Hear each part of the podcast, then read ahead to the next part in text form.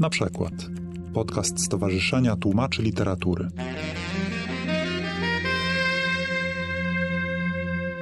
Dzień dobry Państwu. Dzień dobry. E, witamy serdecznie na spotkaniu poświęconym przekładom literatury obozowej i tej dotyczącej zagłady. Jest ze mną Piotr Chojnacki, historyk, tłumacz, Dzień redaktor. dobry. Ja się nazywam Anna Klingower-Szostakowska, reprezentuję Stowarzyszenie Tłumaczy Literatury, które organizuje to spotkanie w ramach warszawskich targów książki. I zaczniemy wprost od pytania, dlaczego podjęliśmy ten temat? Może dlatego, że w ostatnich latach obserwujemy coraz większą falę takiej literatury. Po latach, kiedy na przykład w Polsce takie wspomnienia stricte o zagładzie Żydów były raczej niemile widziane w związku z wydarzeniami 1968 roku i przede wszystkim ukazywała się literatura wspomnieniowa Polaków, którzy przeżyli obozy koncentracyjne, natomiast te przeżycia Żydów były marginalizowane. Od kilkudziesięciu lat w zasadzie widzimy duże zainteresowanie tego rodzaju literaturą i literaturą głównie tłumaczoną, przede wszystkim z angielskiego. No i też jest, myślę, trochę mniejsza grupa literatury tłumaczonej z hebrajskiego czy z jidysz. Nie wiem, czy w tej chwili jeszcze się pisze w ale być może ktoś coś takiego wydaje. I widać, że w dalszym ciągu, mimo upływu lat, jest spore zainteresowanie czytelników i zainteresowanie wydawców. My to widzimy jako tłumacze, ja to widzę jako redaktor, że dosyć regularnie tego rodzaju książki się ukazują i one sprawiają pewne dosyć konkretne problemy i przy tłumaczeniu, i przy opracowywaniu redakcyjnym. I wydaje mi się, że warto na ten temat trochę szerzej powiedzieć osobom, które nie mają do czynienia na co dzień z taką pracą. Tak, tu chciałabym dodać, że to sprawia, że oczywiście my jako tłumacze mamy bardzo dużo pracy, ale też ponieważ specyfika pracy nad przekładem tekstów y, związanych z zagładą to są nie tylko problemy translatorskie, ale teraz powinniśmy pomówić też o higienie pracy tłumacza, który się zajmuje takimi tekstami, bo jest to jednak bardzo duże obciążenie emocjonalne i chciałam Cię zapytać o Twoje doświadczenia z tym związane. Rzeczywiście, tak jak powiedziałaś, takie bardzo głębokie wejście w tekst, poświęcony czy to przeżyciom obozowym, czy przeżyciom zagłady, getta, to jest trudna rzecz, ponieważ tłumacz, w przeciwieństwie do czytelnika, który sam sobie wybiera lekturę i może takich rzeczy nie czytać, mnóstwo ludzi mówi, że na przykład to jest zbyt obciążające i nie sięgają po takie książki. Jak już sięgną, no to mogą przekartkować, pominąć, rzucić w połowie. No my jesteśmy związani umową, I czytamy tekst i wielokrotnie. czytamy tekst wielokrotnie, dwa razy to jest minimum, a to jest często też tak, że czytamy go trzy razy albo i cztery, jak jest potrzeba. I musimy też wchodzić nie tylko w ten sam tekst, ale w całe otoczenie, bo musimy sprawdzać źródła, cytaty, szukać informacji. Przy okazji czytając kolejne traumatyzujące teksty, no bo nie ukrywajmy, że tego rodzaju wspomnienia, no to nie jest lektura, którą się czyta na plaży, tylko jednak to jest dosyć intensywne przeżycie emocjonalne. W związku z tym rzeczywiście przy takiej intensywnej pracy to powoduje duży dyskomfort psychiczny. Czujemy te emocje, staramy się te emocje też oddać i to jest niezwykle wyczerpujące, tym bardziej, że musimy z tym tekstem obcować bardzo długo czasami. Po kilka godzin dziennie, przez pół roku, czasem więcej, zależy od objętości książki i też tego, ile rzeczy na przykład musimy posprawdzać, więc dodatkowo sobie dokładamy jeszcze jakiegoś czytania i sprawdzania wszystkiego. I w związku z tym bardzo łatwo poczuć i zmęczenie, i zniechęcenie, i no, to się też odbija na zasadzie, że mamy jakieś takie nastroje mocno przygnębiające. I. Stąd te nasze nieformalne grupy wsparcia. Tak, tak, to jest bardzo istotne. Natomiast jeżeli chodzi o to, jak sobie z tym radzić, najlepszy jest płodozmian, to znaczy przegradzać sobie pracę nad tego rodzaju tekstami czymś innym, lżejszym. No nie zawsze jest taka możliwość, czasami mamy tak ustawione terminy, że po prostu siedzimy i pracujemy niemalże non-stop, żeby skończyć w terminie. Natomiast no, oczywiście zawsze warto sobie robić przerwy, zawsze warto się oderwać. Bardzo dobrze robią takie czynności typu nie wiem, posprzątanie łazienki albo Oderwanie skoszenie się. trawnika, takie całkowicie niezwiązane w ogóle z pracą, bo nawet nie powiem, że można poczytać coś lżejszego, bo już się człowiek po prostu nie chce czytać w takich, Są w też takich teksty, momentach. nie wiem jak ty to widzisz w swojej pracy, natomiast bywają teksty, z których bardzo ciężko wyjść tłumaczowi i są teksty, które ze mną pozostają na bardzo długi czas. Tak, w każdej takiej książce znajduje się co najmniej jedna scena, czy jeden Tak. moment, który po prostu człowieka całkowicie rzuca na deski i to jest taki knockout. To może być cokolwiek, bo czasami jest tak, że to jest nawet jakiś prosty tekst dotyczący statystyki. Z nienacka mamy wypisane w akapicie liczba ofiar śmierci głodowej w getcie warszawskim i to jest coś, co nas w tym momencie po prostu rozkłada i nie możemy przestać o tym myśleć. Jeżeli mamy dzieci, no to wiadomo, że każda scena z dziećmi jest Tak. Mhm. szalenie taką traumatyzującą, traumatyzującym momentem. I rzeczywiście tak, na pewno z każdej książki coś zostaje. Te momenty, kiedy rzeczywiście musieliśmy bardzo dużo z siebie dać, żeby przebrnąć Mhm. przez taki fragment, bo też nie możemy powiedzieć, że nie, no muszę sobie zrobić przerwę na tydzień. No, To jest jakby Tak. z punktu widzenia harmonogramu pracy niemożliwe, żeby zrobić sobie dłuższą przerwę. Możemy sobie zrobić przerwę na, na godzinę, na pół dnia w jakiejś e, krytycznej sytuacji, tak, ale potem trzeba do tego wrócić. Trochę może świeższym umysłem, ale jednak w dalszym ciągu się w to zagłębiamy i to, jak mówię, to może trwać miesiąc, dwa miesiące, zależy od terminu. Najdłużej chyba siedzieliśmy półtora roku przy takiej ogromnej historii ostatecznego rozwiązania i to naprawdę było bardzo bolesne przeżycie emocjonalne. To jest zdecydowanie moim zdaniem najtrudniejszy aspekt tej pracy, przykładu tekstów poświęconych zagładzie. Natomiast jest jeszcze druga rzecz, taka, która przewija się ciągle, mianowicie problem z samym tłumaczeniem.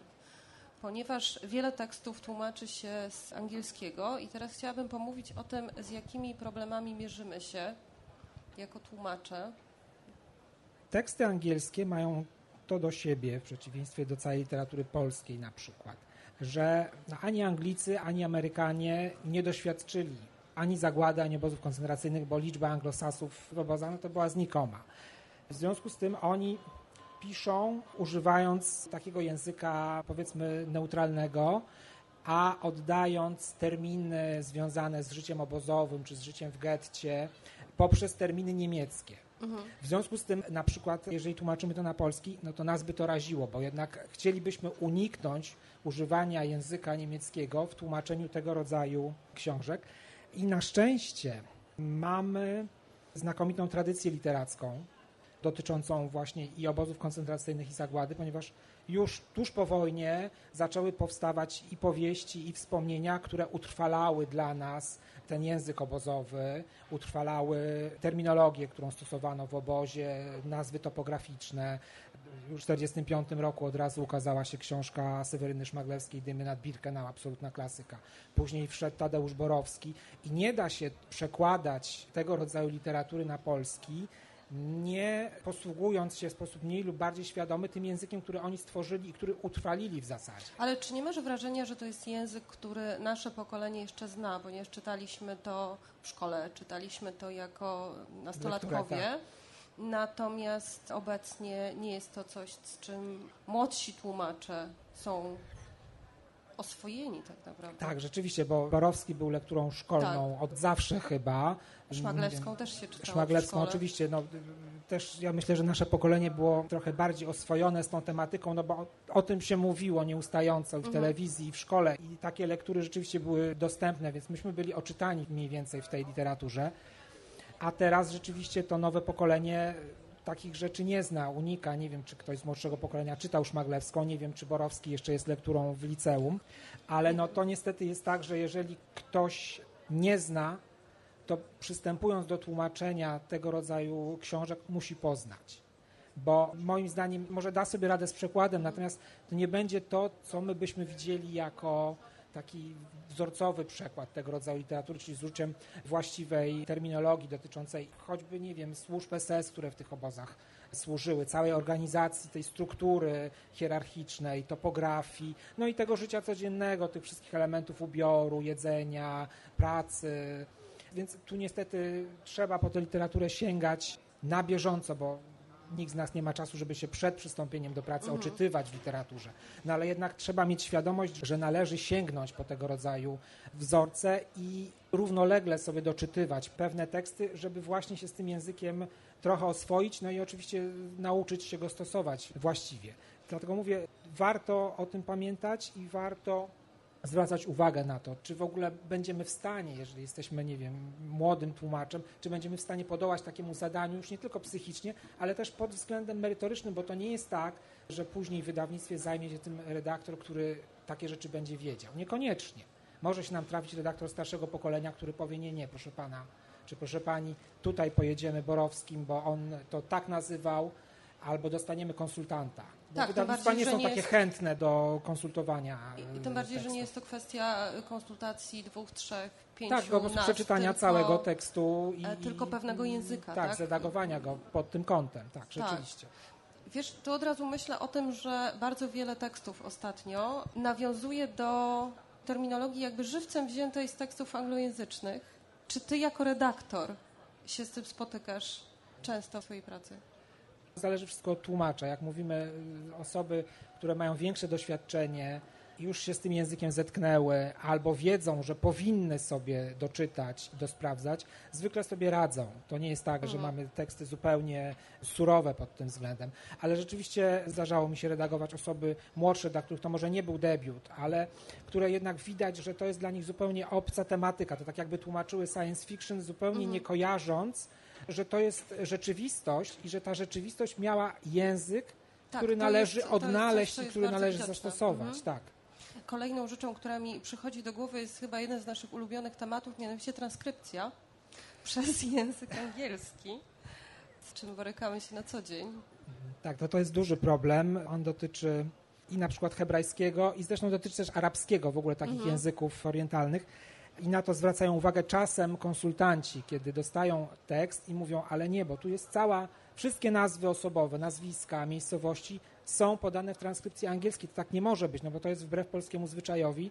Trzeba to przetranskrybować na polski, tylko żeby przetranskrybować, no to albo trzeba znać oryginał, a ponieważ to są języki, które używają innych alfabetów, no więc to, to w ogóle jest nie do zrobienia z poziomu redaktora czy z poziomu tłumacza języka angielskiego.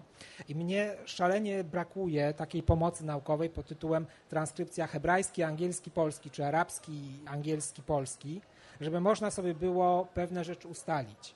Takie rzeczy jak transkrypcja hebrajską robię trochę na czuja, próbuję te Mhm. nazwy przeczytać po prostu, bo wiem, że to mniej więcej zapisuje tak, jak się wymawia po polsku, no ale to też czasami daje różne rezultaty i czasami też konsultanci, jak już się trafią, to mówią nie, nie, nie, tu C, tu Z, tu I, a nie Y i tak dalej, więc To, to jest dla mnie takiego- zaskakujące, ponieważ tak naprawdę ta transkrypcja z hebrajskiego nie powinna być taka trudna, gdybyśmy trzymali się choćby tego, co sugeruje Żich ale Żich sugeruje transkrypcję z alfabetu hebrajskiego, rozumiem, Tak, na polski. tak. A, no, ja, Ale- chodzi ale- mi o transkrypcję z angielskiej wersji nazwy hebrajskiej wersji. na polski. I to jest problem, bo oni chyba też nie są zresztą konsekwentni. Nie tej, są konsekwentni, swojej, to e, prawda, nie są konsekwentni. Jest bardzo różnie. Ja pamiętam, to tak już zupełnie niezwiązane z tematem, przecież jak były zamachy 11 lipca, jaka była dyskusja na temat, czy Bin Laden, czy Ben Laden, czy z dywizem, czy dużą A czy literą. nie jest to, I czy nie jest to w przypadku e, hebrajskiego jednak po prostu pewna niechlujność, która się pojawia? Dlatego, że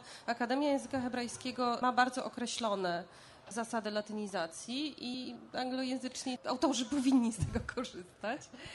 Znaczy wiesz, to jest tak, że my mamy takie poczucie, że te angielskie książki, to my dostajemy takie dopracowane, zredagowane. Ja nie mam tak. Jeżeli, jeżeli nie daj już- Boże wydawcą jest Oxford University Press, to to w ogóle ma być jakiś taki gral idealny, po czym się okazuje, że są takie przypadki, że czyta się ten tekst i tam widać, że nikt nad nim nie popracował, bo już nie mówię o języku, który jest niezrozumiały, ale i zwykłych literówkach, więc Mhm. my tak trochę może mitologizujemy, tak jak się mitologizuje, nie wiem, redakcje w piwie y, 40 lat temu, że były takie idealne i potem się okazuje, że wcale niekoniecznie, bo to tylko ludzie robią i różne rzeczy się zdarzają, więc to niechlujstwo też jest. No I swobodne podejście do faktów. bardzo. często. To, to tak, Tak. to jest zdecydowanie... Jeżeli nie są z obszaru anglosaskiego, to Tak, tak. To jest tak, że no, wchodzą w obcy temat i rzeczy, które są dla nas oczywiste, dla nich Mhm. też są jakąś terra incognitą, którą się poruszają się po omacku, korzystając też z przypadkowych pomocy, bo to też nie jest tak, że taki autor ma, co może czasami ma researcherów,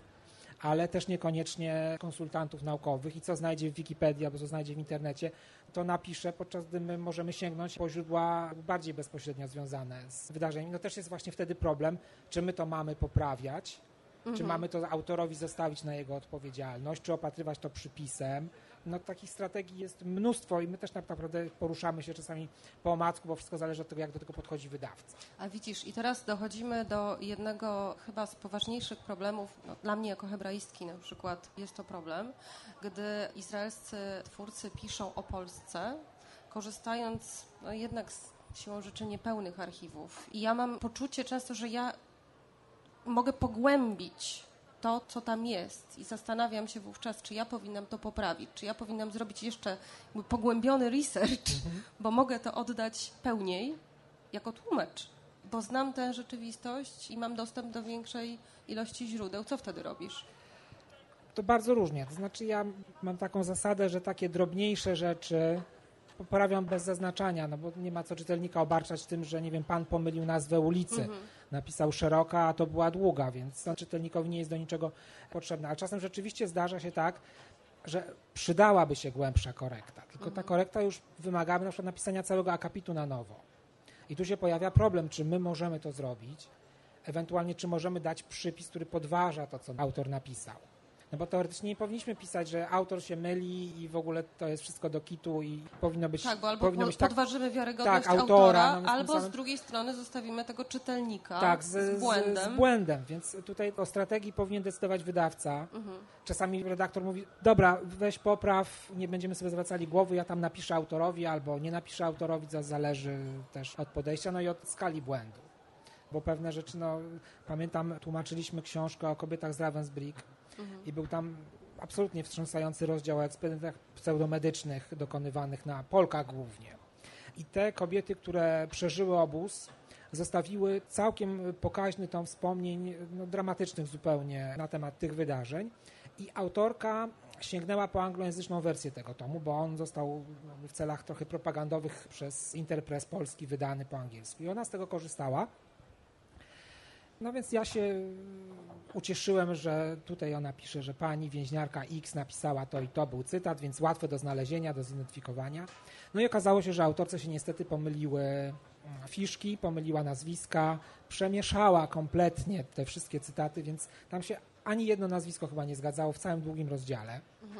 W związku z tym, żeby zidentyfikować te cytaty, ja pamiętam, wertowałem ten tom polskich wspomnień kilka razy no i to była dodatkowa trauma, o tym mówimy, że wnikamy w dodatkowy materiał, żeby coś w tekście tak. poprawić. No, nie chciałem tego czytać. Wystarczyło mi tych fragmentów, które były w tłumaczonym tekście, a i tak musiałem sobie 350 stron całości przyswoić mniej więcej, żeby odnaleźć te cytaty, zidentyfikować właściwe tak, osoby. Tak, czujemy się odpowiedzialni za to, co czytelnik Tak, ale to jest też odpowiedzialność nawet nie tyle za czytelnika, ale to też jest szacunek do tych mhm. osób, które to tak. przeżyły i dlaczego jej wspomnienie ma być pod cudzym nazwiskiem w książce tylko dlatego, że autorka pomyliła fiszki albo jej się coś w komputerze poprzestawiało. W związku z tym tutaj ten rozdział był w zasadzie przebudowany na nowo, tak żeby się tam wszystko zgadzało. Nie wiem, czy wydawnictwo poinformowało o tym autorkę ale tak jest i w wersji polskiej ten tekst jest w związku z tym poprawniejszy niż w wersji angielskiej, ale to wymaga znowu masy pracy i dodatkowego przyswojenia sobie tego całego trudnego materiału.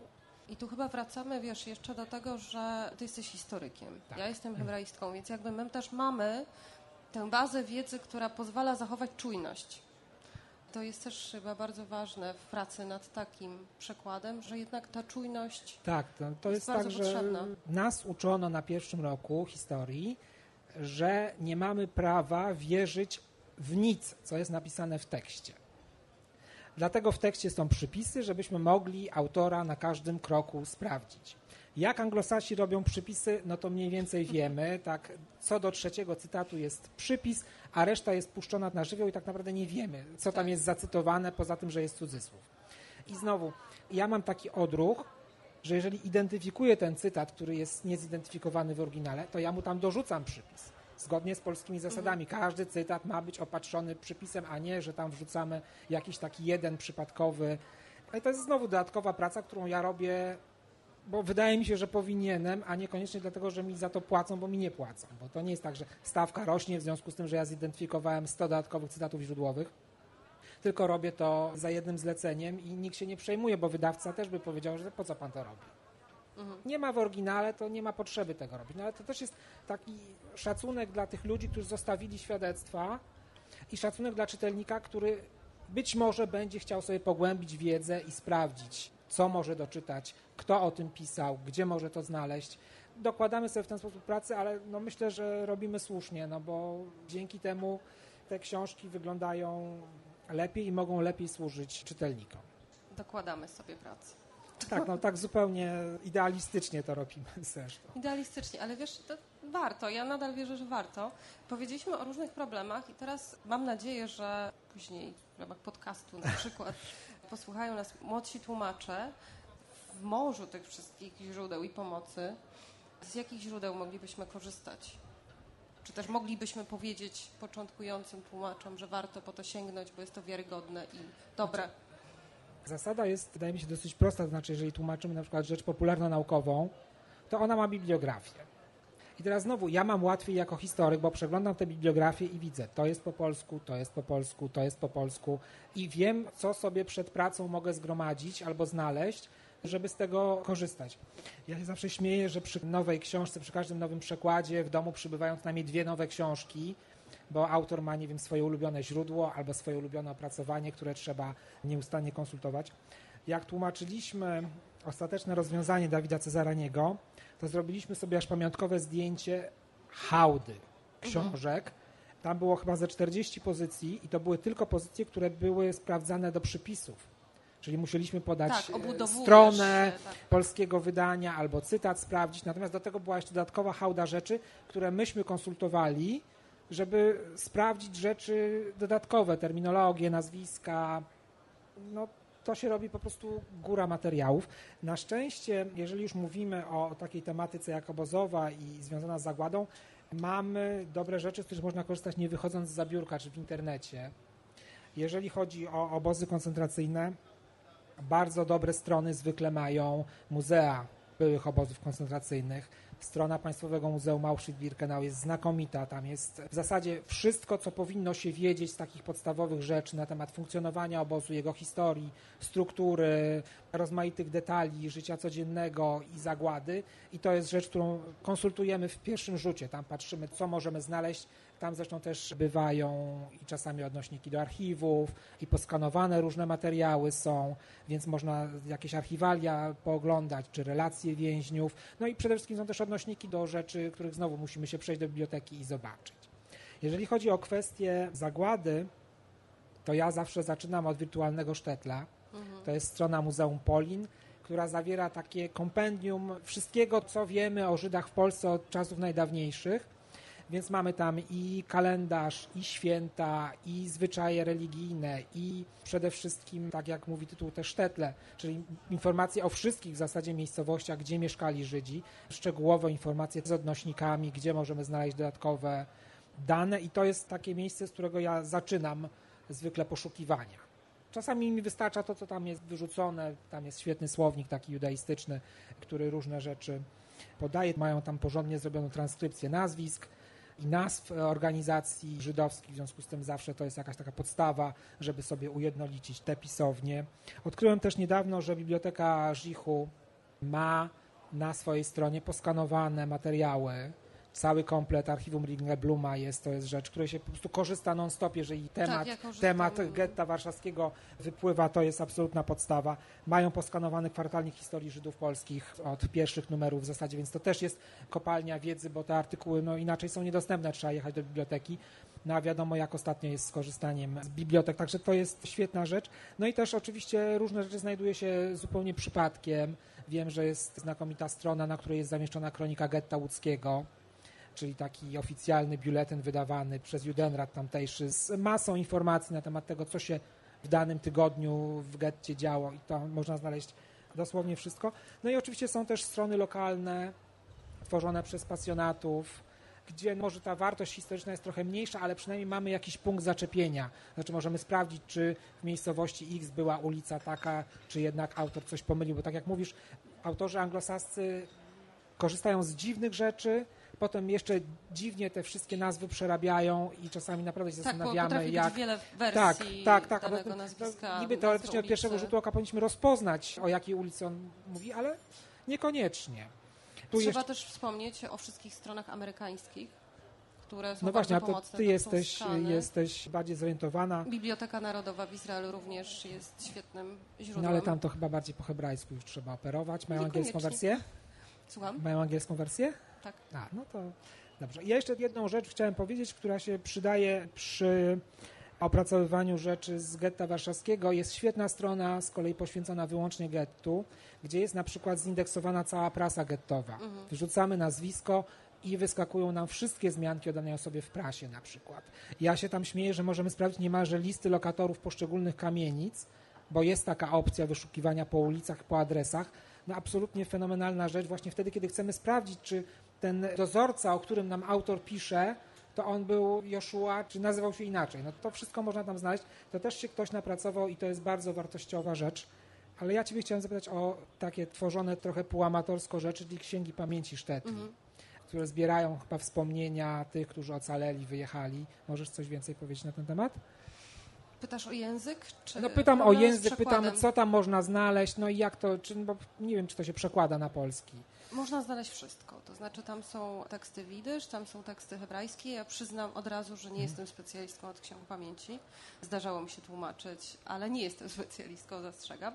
Natomiast ponieważ są to często wspomnienia osób, które no nie były oczywiście historykami, to są teksty amatorskie, krótsze, dłuższe, wspomnienia. Więc weryfikacja też, jeżeli korzystasz z ksiąg pamięci, bo oczywiście ma to wartość No tak. ogromną, jako jest bezcenne, jako zachowanie pamięci. Natomiast jeżeli ty jako historyk do tego sięgasz, to czasem są to rzeczy, które z innymi Ale źródłami... domyślam się, że czasami są to po prostu jedyne rzeczy, które przetrwały po jakimś miasteczku gdzieś, Tak. gdzieś na wschodzie Polski. Powiedziałeś o tych wspomnieniach dotyczących, to też się wiąże. Ostatnio szukałam takich bardziej szczegółowych informacji o mieszkańcach e, Białej Podlaskiej. I gdy się zagłębiasz, gdy właśnie wchodzisz nie tylko w ten wirtualny sztelt, nie tylko w to, co jest dostępne, ale chciałbyś więcej wiedzieć o tych mieszkańcach, nagle się często okazuje, że relacje bywają sprzeczne. Że mamy historię na przykład jakiejś gazety i jeden autor o tym pisze tak, inny pisze zupełnie inaczej. Tak się nazywał twórca, w innym źródle nazywał się inaczej. No, to jest urok też- źródeł po prostu. Tak, to jest urok źródeł, ale często nie da się tego zweryfikować w żaden sposób. Można to opatrzyć jedynie przypisem, że jakaś tam drobna rzecz ma dwie takie wersje. No, ale to też ma, też ma swój urok z punktu widzenia historyka, jeżeli się ma takie, no i musi zdecydować, którą wersję dać do Mhm. przypisu, którą dać do głównego tekstu, ale to już mówimy o osobach, które badają jakby te Wiesz, jeżeli w powieści, która jest oparta na faktach, mam spory fragment dotyczący właśnie założyciela danej gazety, to jedyne chyba, co mogę zrobić, zamiast poprawiać tę autorkę, która tak. buduje na tym, to tak naprawdę odwołać się do źródła i, i dobrze, to w tym, i w tym opracowaniu jest to podane inaczej, żeby czytelnik sam mógł do tego dotrzeć. No, Ale to chyba wzbogaca tylko tak naprawdę to, jak widzimy tę historię niejednoznacznie. No tak. Ponieważ jesteś redaktorem, ja redaktorką nie jestem, tylko tłumaczką, więc teraz jako tłumaczka zwracam się do Ciebie jako do redaktora. Jakie są w takim razie najczęstsze błędy, które pojawiają się, bo mówiliśmy oczywiście o zapisie, o problemach z transkrypcją, o problemach z dotarciem do źródeł, to wszystko jest nasza codzienność, natomiast jako redaktor, z czym się spotykasz najczęściej? Chyba najczęściej to jest właśnie ta kwestia, że niektórzy tłumacze nie zdają sobie sprawy właśnie z tego, że powinni używać dosyć konkretnego języka do opisywania tych zdarzeń. Nie chodzi mi o styl, tylko chodzi właśnie o tą terminologię, która jest utrwalona i która powinna być mniej więcej jednolita, bo mm, czasami jest tak, że tłumacz się zachowuje jakby odkrywał jakieś zupełnie nowe tereny i pisze, nie wiem, o sali łaziebnej w obozie, podczas gdy no wiadomo, że to się nazywało albo łaźnią, albo sauną, zależy jaką tam pisownię sobie czy interpretację przyjmiemy i to można sprawdzić z poziomu tak strony, nie wiem, Muzeum w Auschwitz na przykład, gdzie jest osobny rozdział na ten temat i cała literatura ogromna, do której nie trzeba sięgać, ale trzeba mieć świadomość, że jednak mamy utrwalone autentyczne terminy. To nie jest tak, że ktoś sobie coś przełożył po wojnie, żeby opisywać zjawisko, tylko powinniśmy kontynuować ten język opisu, który nam przekazali świadkowie, ten autentyczny, właśnie też z szacunku dla nich, dla tego ich wysiłku, który oni włożyli w to, żeby całą tę rzeczywistość nam pokazać w sposób mniej lub bardziej udany, no ale za każdym razem jednak poruszający. I nie widzę powodu, dla którego mielibyśmy teraz zapomnieć o tym, co pisał Borowski, co pisała Szmeglewska, jak oni przekazywali te wszystkie nazwy i terminy. To jest wysiłek, ale czasami przed przyjęciem zlecenia warto się zastanowić, czy mnie to interesuje, czy ja jestem w stanie się zagłębić troszeczkę chociaż Bo nie mówimy tu o jakichś głębokich studiach, bo to czasami, dotyczy czasami wystarczy... przekładu i Tak, ale obszaru. tutaj trochę podejmujemy Mhm. temat misji tego, że przez szacunek dla pamięci ofiar powinniśmy Mhm. jednak troszeczkę bardziej się przyłożyć niż zwykle się przekładamy. Narażając się na te traumy, o których mówimy, na to, że odchorujemy czasami te tłumaczenia dosyć głęboko, ale jeżeli już się decydujemy, to róbmy to tak, żeby było zrobione porządnie. Czasami wystarczy po prostu wziąć tomik Borowskiego i go przekartkować. Tam naprawdę pewne rzeczy rzucają się w oczy i można sobie, a on tu pisze tak, on tu pisze tak. Tam są całe opisy przyjmowania transportu na rampie. Tam cała terminologia jest, cały klimat, nastrój i powinniśmy z tego korzystać, nie wyważać otwartych drzwi, bo to nie ma sensu, a potem i tak przyjdzie jakiś redaktor taki jak ja i zacznie po prostu to wszystko e, Dłubać, tak. odkręcać, dłubać Mhm. w tym i się denerwować, że młoda osoba, no przepraszam, się- ale jednak nie... Wiesz, ale nie... wydaje mi się, że naprawdę może niektóre osoby nie sięgają, bo nie mają tej świadomości. Ale wiesz, no, wydaje Wiesz, mi się, że, że jeżeli już natomiast- e, zaczynamy pracę nad przekładem, to powinniśmy mieć świadomość tego, że nie obracamy się w jakiejś próżni, że nie jesteśmy odkrywcami i że jednak trzeba po coś sięgnąć. Ja na przykład się zawsze bardzo denerwuję, jak tłumacze nie sprawdzają cytatów. Ja już nie mówię, że gnać do archiwum i sprawdzać jakiś dokument pojedynczy, ale takie rzeczy zupełnie podstawowe są niesprawdzone, które stoją, nie mówię, że w narodowej nawet, tylko w gminnej bibliotece cytat z Borowskiego. No, Ktoś mi go tłumaczy z angielskiego zupełnie jakby nie zdawał sobie sprawy, że powinien pójść i sprawdzić, albo znaleźć w internecie, bo też już chyba jest... Wiesz, y, zdarzało mi się konsultować teksty, których tłumacz czy tłumaczka tłumaczyli rzeczy dawno już będące w obiegu i znane doskonale. I to też pokazuje, że często ten przekład jest po prostu kolejnym, Wiesz, no, bez, kuriozum bez jest, świadomości, y, jaki to obszar, w co wchodzimy. Taką kuriozalną anegdotą jest to, że koleżanka redaktorka kiedyś przyleciała i mówi: Słuchajcie, tłumaczka tłumaczy mi Biblię z angielskiego. Cudownie. Mimo, że na przykład w instrukcji wydawniczej w Mhm. większości wydawnictw jest, że cytaty biblijne według, i tutaj sobie wstaw Biblię Towarzystwa Biblijnego, albo Tak. Biblię Tysiąclecia, albo którekolwiek z wydań, które jest dostępne w internecie. To już nawet nie chodzi o to, że trzeba iść do biblioteki i szukać, tylko po prostu sięgnąć do internetu. I to po prostu pokazuje czasami, że to nawet nie jest kwestia pośpiechu, bo rozumiem, Nie, że się nam spieszy i nie możemy jakiejś, jakiejś zupełnie takiej drobnej rzeczy sprawdzić. To ewentualnie napiszmy na marginesie redaktorowi, że tu nie sprawdziliśmy. Mhm. No ale tłumaczenie Biblii z angielskiego, no to już jest właśnie taki przejaw niefrasobliwości zawodowej. Myślę, że moglibyśmy drugie spotkanie No ja myślę, że tak. po, po relacji tłumacza z redaktorem poprowadzić. To bardzo byłoby toksyczne i zjadliwe spotkanie. Ale wiesz, takie spotkanie nas czeka w ramach Dnia No wiem, Tłumacza. tak. tak redaktorzy Przygotowuję się duchowo do tego. Się. Czy mają Państwo pytania może? Chciałam zapytać Państwa o rodzaj odpowiedzialności, jaki ciąży na tłumaczach. Mam na myśli nie tylko odpowiedzialność kontraktową, czyli tę należytą staranność, a również o odpowiedzialność cywilną.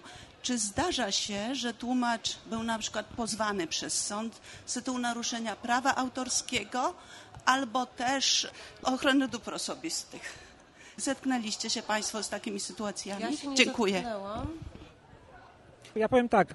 My mamy rzeczywiście w umowach taki zapis, że jesteśmy zobowiązani nie naruszać praw osób trzecich i dotrzymywać w ogóle wszelkiego starania, żeby nasz przekład nie naruszył niczyich na przykład praw autorskich.